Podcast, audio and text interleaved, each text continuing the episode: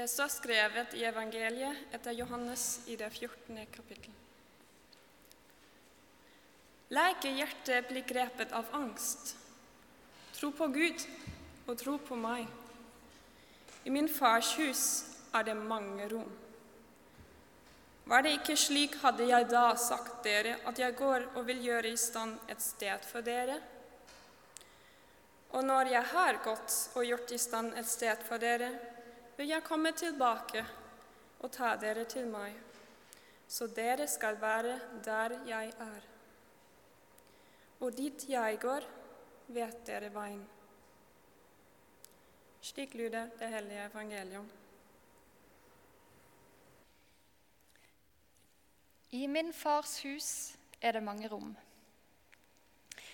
Eh, jeg har lest en plass at den setningen kan oversettes med at eh, i min fars hus så fins det rom for alle. Og det syns jeg gjør den setningen enda finere. Rom for alle. Men hva betyr denne teksten egentlig for oss? Hva har det å si for meg i mitt liv? Kan det være et lite håp eller et lys i en hverdag som er prega av uro og uroligheter? Et håp om at det en gang skal ende godt? Teksten i dag er henta fra eh, starten av Jesus' sin avskjedstale til disiplene. Det er like før påske. Jesus har ridd inn i Jerusalem. Han har nettopp vaska føttene til disiplene. Og så avslører han noen ganske urovekkende ting for dem. At han skal forlate dem, at en av dem skal svikte han, og at Peter skal fornekte han. Og i uroen som preger disiplene når de hører dette, så begynner altså Jesus sin avskjedstale med trøsten La ikke hjertene deres uroast. Tru på Gud og tru på meg. I min fars hus er det rom for alle. Og når jeg har hørt denne teksten her tidligere, så har jeg tenkt at dette handler om himmelen. At i et evighetsperspektiv så fins det et rom for meg. Et rom der jeg kan sjekke inn når jeg sjekker ut av dette livet. Men kanskje denne teksten òg kan si oss noe om livet her og nå. Om at vi i våre hverdager trenger gode rom. Om at Jesus ikke bare går og gjør i stand et hus med mange rom for framtida, men at han òg bygger gode rom midt i vår verden. I dag, andre søndag i advent, kalles òg forventningssøndag. Vi har forventninger til presangene under juletreet, til barnet i krybba, til julekos og juleferie og julekrangling og julemat og julestress. Og til julehøgtida, da ordet, altså Jesus, ble menneske og slo opp sitt telt iblant oss bygde rom i vår verden, i oss og rundt oss. Gode, inkluderende rom der alle han møtte, kunne føle seg velkommen, sett, ønska og trygg. Der syns jeg Jesus er god. Et godt forbilde på å skape rom for alle. Jesus så folk for de de var. Han inkluderte de som andre satte utenfor og så ned på. Han viste omsorg, kjærlighet, nåde og raushet til alle, uavhengig av status. Og kanskje, eller forhåpentligvis, så kan kirka være en sånn plass. Et åpent og inkluderende hus med gode rom. En plass som er prega av Jesus sin nåde og raushet. Og så handler det ikke hovedsakelig om de fysiske rommene. Det er klart det er en fordel at rom er store nok eller fleksible nok. Men jeg tror ikke jeg har opplevd at antall rom eller størrelsen på dem har vært avgjørende for om jeg føler meg velkommen. Kanskje med unntak av i jakten på lesesalplasser og grupperom midt i eksamenstida. Det er folk som inkluderer, og det er folk som ekskluderer.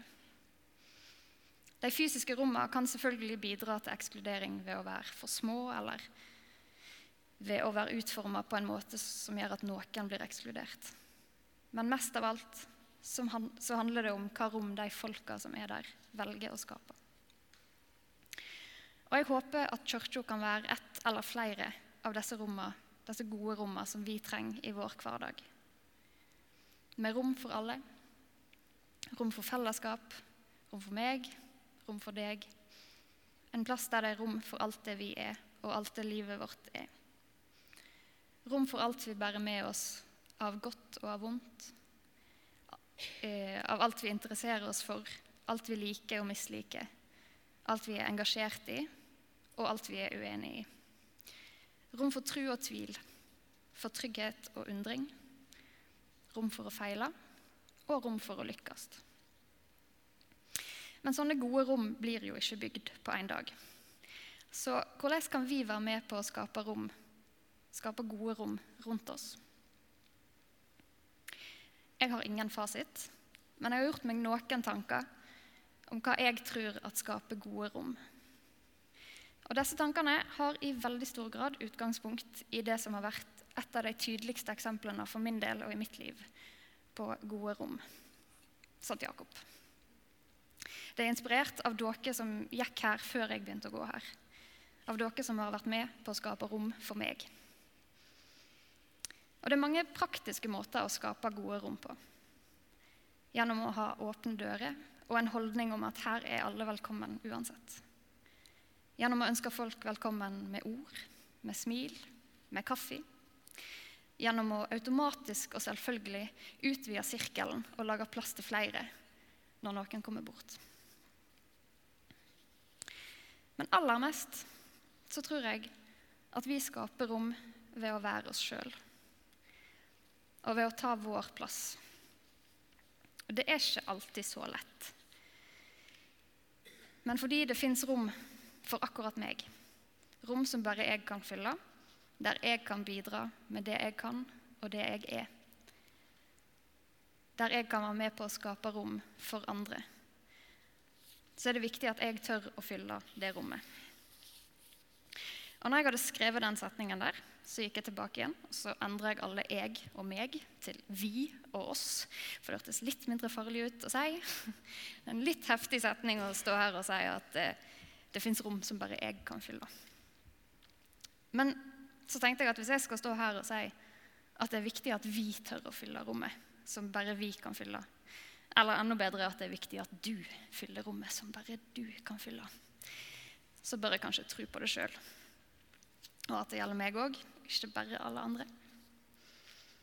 Og det kan koste ganske mye å tørre. Det kan være utfordrende og skummelt, både det å være den som skaper rom, og den det blir skapt rom for. Utfordrende både å invitere og å takke ja til en invitasjon. Men hvis vi skal få oppleve disse gode rommene, så er vi faktisk nødt å tørre å gå inn i dem. Og når vi våger å være oss sjøl og vise hvem vi er, eller i alle fall litt av hvem vi er, så kan det være med på å trygge andre og skape rom for at andre kan være seg sjøl.